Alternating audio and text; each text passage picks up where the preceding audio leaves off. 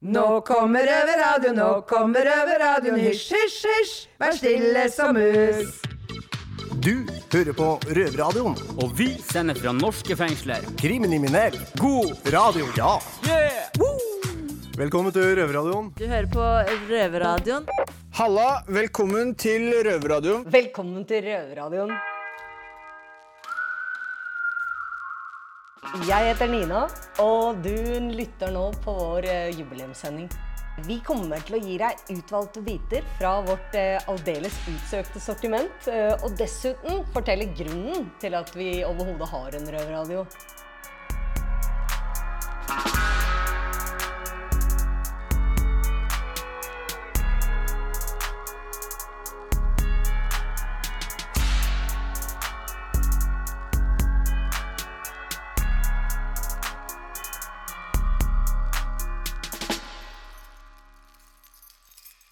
For i dag, folkens, så er vi ikke inne i fengsel, men vi befinner oss i Fredrikstad hos opphavskvinnen til Røverradioen, nemlig Mina Hajan.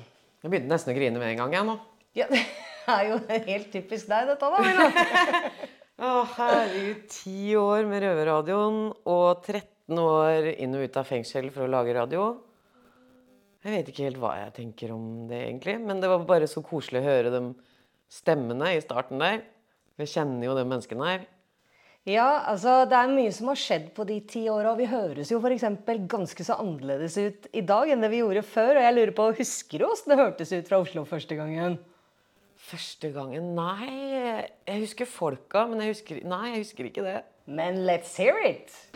Røverhuset er stolte av å presentere for første gang fra Oslo fengsel Ja. Røverradioen. Hei, jeg heter Alex. Du hører på aller første sending i Røverradio. Vi her inne, det er jo en eh, rampete gjeng på syv karer. Nei, det er vi ikke. Vi er seks nå. Vi har eh, Dag. Morgen, morgen. Hei, Du Alex. er tyv, du. Ja, jeg har vært tyv. Ja, Så går vi over til Bjørn. Du er også tyv. Ja, jeg er eventyrtyven, jeg. Men det var før det òg. Osman, du er vel en kynisk bakmann? Noe du tror, ja. Jeg har som regel rett. Og så har vi jo Anonyme Ali. Hva skal vi si om deg? Still anonymous. Jeg tror han er farlig, jeg. Ja, Det vet jeg ikke noe om. Eh, vi har jo også Alex selv, Ja, jeg er jo bare Hva skal han si om meg? er du uskyldig? Jeg var ikke uskyldig. Jeg skulle bare være økonomisk, jeg, så Litt uheldig, altså. Ja. Ja, Litt rot i regnskapet. Å, den gladgjengen der, altså. Det er den beste gladgjengen som fins. Altså, jeg, jeg digger deg jo, Nina, men eh, Å bare høre stemmen til Alex Han bor jo her i Fredrikstad. Han ser jeg innimellom i butikken. Bjørn har slutta å stjele Audi. Han er mye ute og fisker i villmarken. Eh, altså, så vidt jeg vet, så går det bra med de fleste som var med i den første sendinga. Så kult å høre. Hva med han med rot i regnskapet, da? Han skikka seg også, eller? Han i rot i regnskapet. Ja, det går greit med han òg, for så vidt. Det gjør det. Men han kyniske bakmann, han tror jeg sitter inne Nei, ikke han kyniske bakmann, men han, eh, han som er anonym. Ja, ja. Ja, han vet jeg har vært litt sånn inn og ut, for han er liksom på toppen av en gjeng. Og da er det litt vanskelig å komme seg ut. Ja, men jeg tenker eh, Det er jo Jeg tror man må vel være ganske passe gæren nå, for å bare utstyre seg med en mikrofon og gå inn i fengsel for første gang der, eh, Mina. Hva, hva tenkte du egentlig da? Hvorfor? Jeg bare gleda meg til å høre noen fortelle meg noe annet enn det alle drev og fortalte på radio og i podkaster. Og alt var så generisk og kjedelig. Så liksom eh, Jeg prøvde meg jo ut i Halden fengsel først. Da gikk jeg jo inn, og så sto det elleve sure mannfolk der og bare så på meg, for de hadde bare blitt sendt inn. Ja, får lage radio med dem. Og jeg sto der og bare eh, OK, eh, hva har dere lyst til å snakke om? Ingenting. OK, ingenting, nei. Så jeg lærte jo mye fra Halden før jeg kom til Oslo fengsel. Så når jeg kom inn i Oslo fengsel, så var jeg veldig sånn For Alex tøffa seg en del, da. Eh, For eksempel, han programlederen som vi hørte. Han var sånn Ja, ja, nei. Ja, du får bare si til meg hva jeg skal gjøre. Fordi det, det er veldig sånn Ikke tenke sjøl er jo det som er fengselsgreia. du skal ikke tenke sjøl. Så kommer jeg, og det første jeg spør om, er hva er du har lyst til å snakke om. da? Ja, kan ikke du fortelle meg hva jeg skal snakke om? da?» Hvorfor det? Jeg sitter ikke i fengsel. Så Nei, Den gjengen der var helt fantastiske. Og det var krangling, og jeg sto mellom gjenger og ene armen ut på hver side og bare slutta opp. Og så knipsa jeg dem på nesa og ba dem holde kjeften sin og sånn. Og det gikk helt greit? Jeg har aldri, aldri, aldri vært redd i fengsel. Og jeg vet ikke om det er noe gærent med meg i den forstand. Men jeg føler meg helt trygg. Og jeg føler at uh, det her er bare folk som har gjort ting som har gjort at de har havna i fengsel. De er ikke noe annerledes enn noen andre, hadde jeg lyst til å si noe. Men de er annerledes på den måten at eh, de er kanskje mer seg sjøl, dem som er i en sånn krise og blitt fratatt friheten sin, enn folk som laller rundt på utsiden. La-la-la, nye gardiner. La-la-la, hold kjeften din. Ja, ja, du får ikke noen argumenter eh, fra meg her, eh, skal du vite. Men, men du gikk jo ikke bare til Halden eller eh, Oslo fengsel. Du var jo på Bredtvet kvinnefengsel også, hvor jeg har hørt at du faktisk hjalp en av jentene med kjærligheten. Å ja! Nora, ja.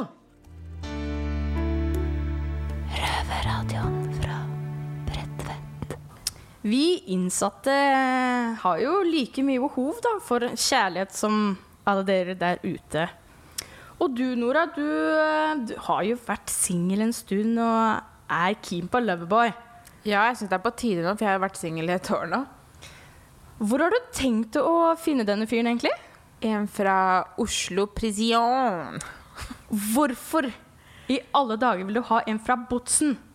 Nei, fordi det er, det er eh, fra en innsatt til en annen, så er det lettere å komme i kontakt med en der, da, som veit hva jeg går gjennom i fengsel, og veit hvordan det er å være i fengsel. Si meg, Nora, hvordan har du tenkt til å, å kapre denne fyren? Jo, jeg ble oppfordra til å lage en kontaktannonse. Sykt uh, kleint. Eh, jeg er dritflau, men jeg gjorde det. Det er litt lættis, da. Ja. Vet du, da, tar vi oss og hører på det der. Jeg er søt, omsorgsfull gettojente som søker rampete, men snill gutt fra Oslo fengsel som veit å behandle en dame smooth. Jeg har brunt hår og brune øyne med aner fra Øst-Europa. Jeg bruker tiden min i fengsel på skole, radio og trening. Og det beste jeg vet, er å chille til en god låt med volumet på maks, og den mestringsfølelsen jeg har etter en god treningsøkt. Du liker actionfilmer og trening. Du kan snakke for deg og få meg til å le. Og har du en Pepsi Max klar, da vinner du hjertet mitt raskt. Vi starter som pennevenner, og så blir det hot, hot, hot, og så blir det løv. Send brev til meg gjennom Røverradioen via han duden som sitter på biblioteket i Oslo fengsel. Billettmerket 'Fengselsherlighet til Nora'. Nå står jeg her, Miss Kinping, med et kjærlighetsbrev som Nora har fått. Og hun vet ikke at vi tar opp. Så når hun kommer ut nå Fordi at det, det brevet her Det kom i posten i dag. Så når hun kommer ut, skal vi snakke litt med henne om frieribrevet fra Oslo fengsel. Jeg tror hun kommer snart. Nora? Nora? Kan du komme hit litt? Nei, nei, kom her. Kom da. Det, dette, dette. Jeg ler jo som bare pokkeren akkurat. Nei, nei, kom igjen. da. Du skal bare prate litt med deg. Du har jo, du har jo fått et kjærlighetsbrev da, fra Oslo fengsel. Ja. Fordi det står jo blant annet her at eh, du virker som en herlig jente, og stemmen din, wow, den fanget meg. og som skal på perm, og som ønsker at du skal ringe han. Ja. Ja, Nora var litt sugen på å få en eh, sånn eh, Hva heter det? Penpal eller noe sånt. I et annet fengsel. Så det, og Nora var så fin. Jeg husker hun strikka et sånt veldig fint pledd til meg da jeg var gravid og skulle til å poppe, på en måte. Og jeg visste jo at hun savna sønnen sin kjempemye, som var på utsiden. og så det var bare så veldig veldig fint. Og jeg orker ikke noe mer grining akkurat nå, så nå skal jeg være stille. Men eh, vi må jo i hvert fall høre noen røverhistorier eh, fra Eidsberg, da. Ja, dem har jo en del gode sånne. Og nå, mine damer og herrer, skal vi ha en liten premiere. Dun, dun, dun, dun, dun. Vi skal høre fra vår nye redaksjon på Eidsberg fengsel. Velkommen til dere. Du hører på Roveradioen fra Indre Østfold fengsel. Eh, mitt navn er da Singh, og jeg har med meg Anver. Eh, Anver, eh, du er jo bare 18 år, da. Og 1,60 høy og førstegangssoner. Hvordan er dette? Det er, det er litt kjipt. Kjipt å sitte i fengsel. Det forstår Da er man 18 år gammel. Det er jo vel ikke så veldig mye å oppleve her i fengsel? Nei, det er ikke det. Men i og med at du er førstegangssoner, da, er det ikke slik at de som har sona litt lenge, erfarne sonere, da, kan man kalle det, prøver ikke dem å styre deg litt? Jo, de prøver, men det går ikke, altså. Eh, Det er fordi du har en veldig sterk personlighet. Ja. Men uh, før du kom i fengselet her, da, så var jo du på en institusjon. Hvorfor kunne du ikke bare blitt der, da? Var det ikke bedre der? Mm, nei, det var ikke det. Eh, Forklar meg litt. Hva var det som ikke var bedre der? Liksom personalet og sånn. De behandla meg dårlig og sånn. Ok, Men det var litt bedre enn fengselet? Syns du det, eller hva kan du Ja, si? selvfølgelig. Det er bedre fengsel. Ja, det er bedre enn fengsel. Ok, Men hva mer skjedde da? Var det bare pga. personalet behandla deg dårlig til at du ble sendt hit, eller skjedde noe annet der òg? Nei, jeg brant ned institusjonen. Du brant ned institusjonen, ja? Ja. Ok, Ble det noen som ble skadet, eller? Nei. Nei. Ok, Ingen Så alle overlevde? Ja. Så det er derfor du er i høysikkerhet, for i og med at du brant ned institusjonen, og så havna du på høysikkerhetsfengsel. Ja. Var det verdt det? Nei, det har ikke vært det. Men måten du tenker på nå, har kanskje forandra deg i at du kanskje i fremtiden ikke kommer til å brenne noe, da. Ja. Det er bra. Og det er derfor vi ikke har noe lightere på Eidsberg fengsel, da. Siden du er her.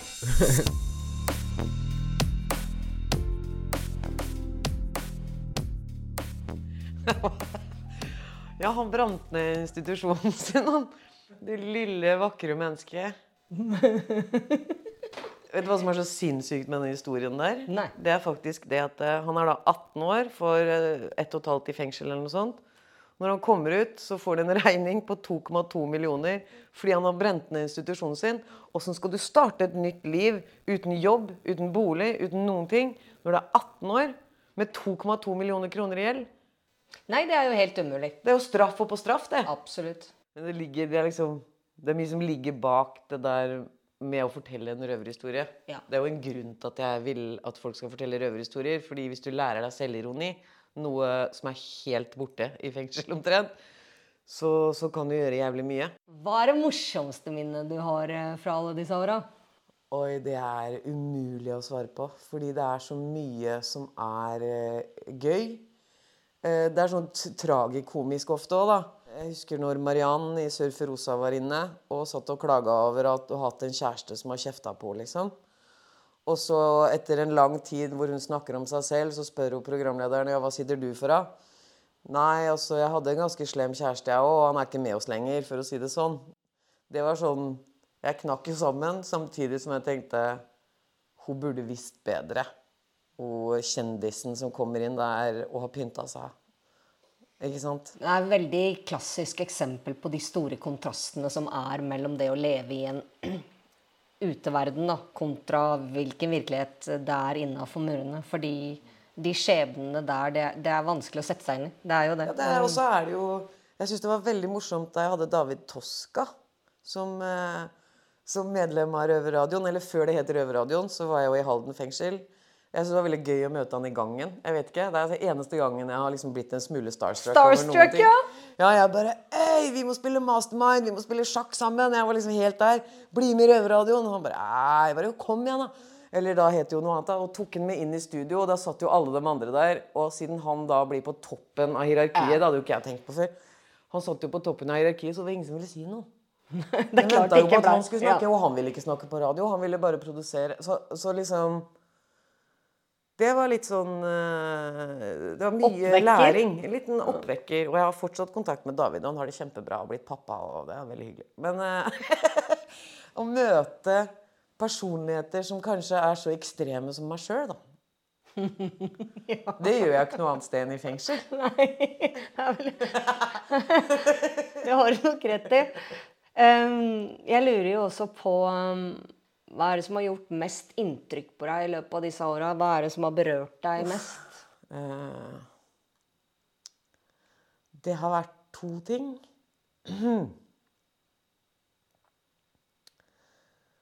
Det ene er F.eks. så hadde jeg en røver i Oslo fengsel. Nydelig menneske.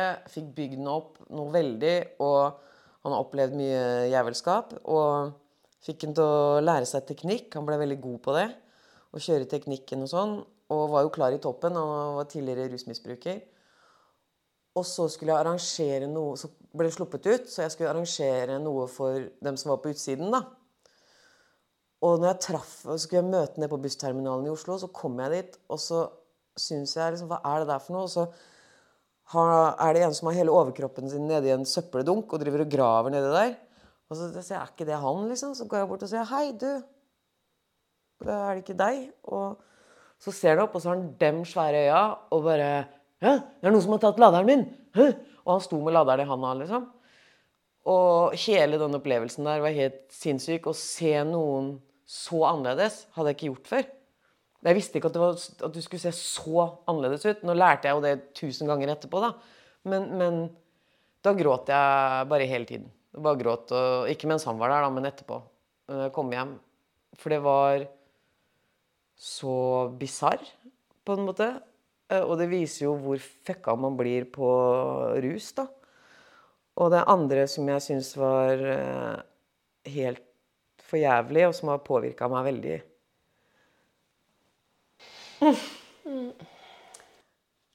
Det er dem som dør.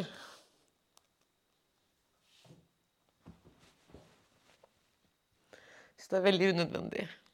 ja, det, det, det var helt rett i, kjære deg. Det er klart det er 22 det. år og dør første dag på avrusning. Eller de som faktisk bare har dødd lykkelige i fanget på den nye kjæresten sin, kline, et nytt liv. Men så har de rusa seg så mye før at hjertet bare plutselig stopper. Og det er ganske forferdelig. Og den begravelsene Uff a meg. Med liksom fem mennesker som sitter der, og de går ut og ruser seg underveis i begravelsen. Og Nei, det at eh, røvere har dødd, det har vært helt crazy. Det er jo fordi du blir så glad i, i oss, da. Det er Ja. jo derfor det er så tungt for deg. Og vi er veldig glad i deg også. Så uh, jeg skjønner at det Du bør holde deg levende, Nina. Hva? Du bør holde deg levende. Ja, jeg skal gjøre mitt beste. Jeg Ja. lover. Jeg Ja. skal gjøre mitt aller, aller beste for å klare å holde meg på beina en del år til.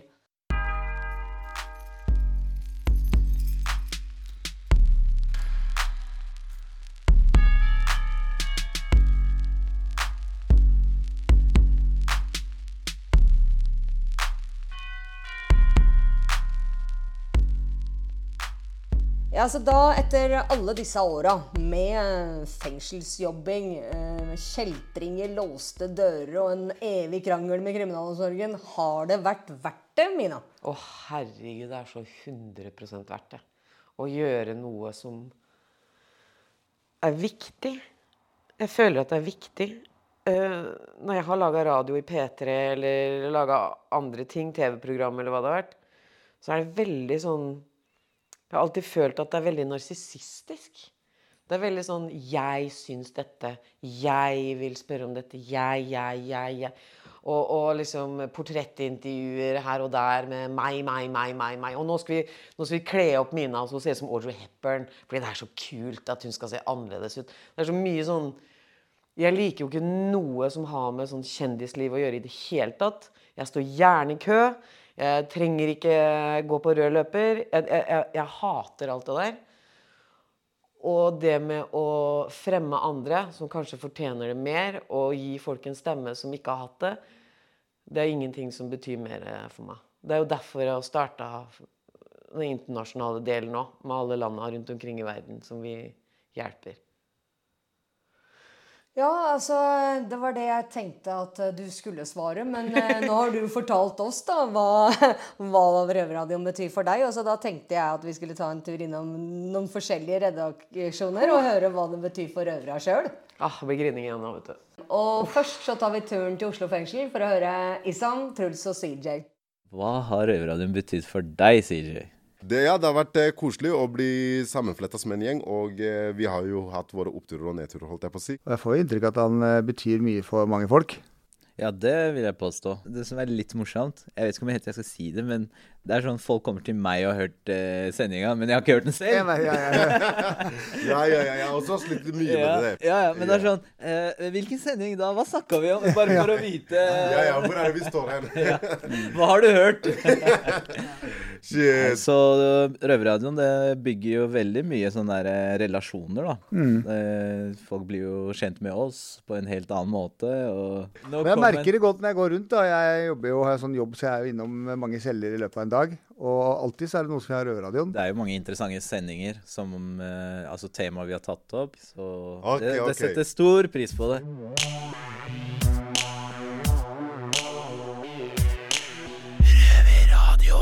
Jeg er Maiken. Jeg begynte å jobbe i Røverradioen mens jeg satt på høysikkerhet eh, på Bredtvet. Eh, og mens jeg satt der, så var jo Røverradioen eh, en meningsfull ting å drive med. eh, på en helt annen måte enn annen type arbeid på, i fengselet. Og, og så har jeg jo vært så heldig at jeg har fått lov til å fortsette med radio etter at jeg eh, kom ut. Eh, og det er jeg jo skikkelig glad for, for jeg syns at det er en veldig sånn fortsatt det er en veldig meningsfull ting å drive med, selv om jeg er løslatt. Eh, kanskje nettopp det å ta med seg erfaringene der innefra, liksom. eh, og kunne snakke om det. Eh, og så har jeg jo kosta Røverradioen litt, da. Jeg har kosta Røverradioen en opptaker.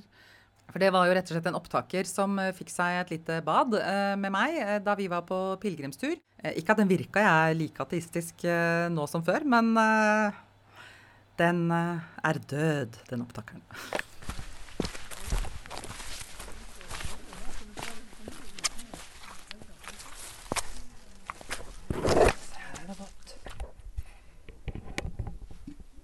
Nå er det Olavskilden.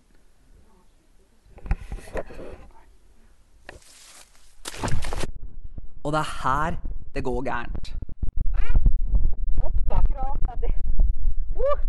Ja, jeg ble våt i hvert fall. Ikke kald ennå, men ja. Ja, sånn høres det altså ut når en radiorøver eh, med opptaksutstyr eh, sklir ut i en eh, hellig kilde. For det var nemlig nettopp det jeg gjorde. Jeg mista fotfestet og dundra uti med plask og bram. Eh, Så derfor ble det ikke flere opptak fra selve turen. Verken fra nedstigningen fra fjellet eller innmarsjen inn til Nidaros. Ikke heller fra sjølveste Nidarosdomen. Altså, mens jeg jobba med Røverradioen, så har jeg jo lært mer om norsk kriminalomsorg enn det jeg sjøl opplevde fra innsida.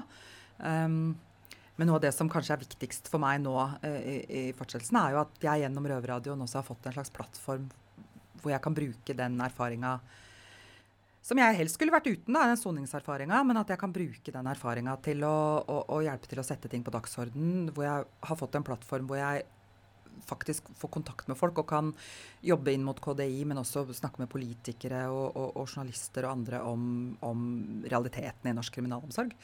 Um, og det syns jeg er skikkelig viktig. Og det gjør at uh, den soningserfaringa som jeg jo helst skulle sluppet, uh, jeg kan forsøke å bruke den til noe nyttig, da.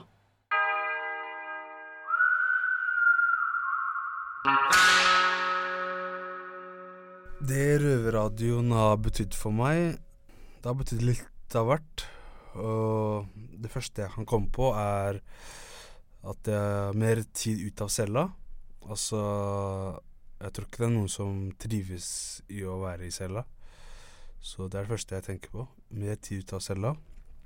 Og så har jeg også lært å reflektere rundt vanskelige spørsmål. Og når vi er her, så alltid tar vi opp noen vanskelige spørsmål og diskuterer og debatterer litt rundt det. Og så en annen ting jeg kom på, som jeg har fått øh, godt nytte av å være her, er at øh, jeg føler jeg ofte blir dratt ut av komfortsonen min. Og tør å bruke stemmen min mer. Så alt i alt så har jeg fått masse gode ting ut av å være her i Røverradioen. Og jeg vil gi en eh, hilsen til de som starta Røverradioen. Og en spesiell hilsen til de som har vært her med meg hver torsdag. Mine medinnsatte og både redaksjonen fra Røverradioen som er her. Og så håper jeg at uh, dere er her ti år til. Ikke jeg altså, men dere. Og så Hilsen David fra Eidsberg fengsel. Går det bra med deg, lille venn? Ja da. Det blei stroll down memory lane der, da. For meg, da, Mina, så har røverradioen betydd nesten mer enn jeg kan sette ord på. Jeg var helt flat. Jeg var ganske fucka i huet etter alle de åra i fengsel. Og man slutter å drømme, og man slutter å håpe, og man slutter å egentlig strekke seg. Eh, Det er lettere å skru av. Og så kom dere inn i livet mitt, eh, og så plutselig blei den ene dagen i uka blei alt. Og et gufs av normalitet og alt det der som kom inn den ene dagen, det gjorde at jeg våkna igjen, og engasjementet mitt, livsgleden og ikke sant? Alt det der kom tilbake, da. Det jeg en gang hadde. igjen. Så Oi, nå begynner jeg å grine òg. Sitter vi og ser på hverandre og griner. Jeg bare husker så godt den der første gangen jeg så deg. Da hadde vi foredrag eller noe sånt på Bredtvet, eller hva det var, og du Det var sånn temadag, tror jeg alle presenterte seg som var samarbeidspartnere. Ja, og du sosa rundt der, og høyt og lavt og rundt på borda. Og jeg husker jeg spurte om du skulle være med i Røverradioen. Nei, det skulle du ikke være med på, nei. Hvorfor skulle du det? Og så så jeg liksom du var litt nysgjerrig, og hvorfor skulle du være med på det? Og så, og så tenkte jeg, jeg husker jeg kunne ønske jeg snakka mer med deg den dagen, men så ble du heldigvis med, da. Så Ja, det var det beste valget jeg har tatt ever. Det må jeg jo bare si. Så takk for at dere kom innom den dagen og, og hanka meg inn. ah, det blir mye grining i den sendinga her, kjenner jeg. ja, men det er litt koselig òg, da. Men eh, nå lurer jeg jo på, eh, er ikke det norske folk mett nå? Er ikke ti år med røverradio nok? Trenger vi å høre fra innsida av fengselet lenger? Det er det som er så magisk med, og forferdelig med fengsel, men også magisk er det at det er nye stemmer hele tida. Og det er nye mennesker som har nye ting de vil fortelle. Og det er en kriminalomsorg som ikke er i nærheten av å være der den burde være. For å opprettholde menneskeverd eh, blant de som har brutt reglene. Så jeg syns jo fengsel i seg sjøl er en helt sånn middelaldersk måte å straffe folk på. At hvis du er for gæren til å være ute på gata, så trenger du å være på sykehus og ikke i fengsel. Så um, det er også en kamp jeg er ganske sugen på å ta snart. Og når det går ti år, så nå er det kanskje på tide. Ja, men det er i hvert fall ingen grunn til å slutte å lage fengselsradio. Nei. Så derfor er det heller ingen grunn for dere, folkens, å slutte å tune inn på NRK P2 hver eneste fredag 14.00. Eller på podkast når og hvor du vil, hvis du ikke sitter inne, sånn som jeg gjør. Takk for meg. Jeg heter Nina, og ha det bra, folkens! Ha det ti år til! Yeah, minst.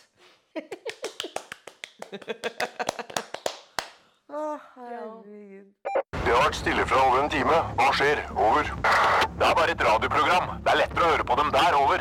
Ja, vet du når det går, da? Over. Er samme tid og samme sted neste uke. Over.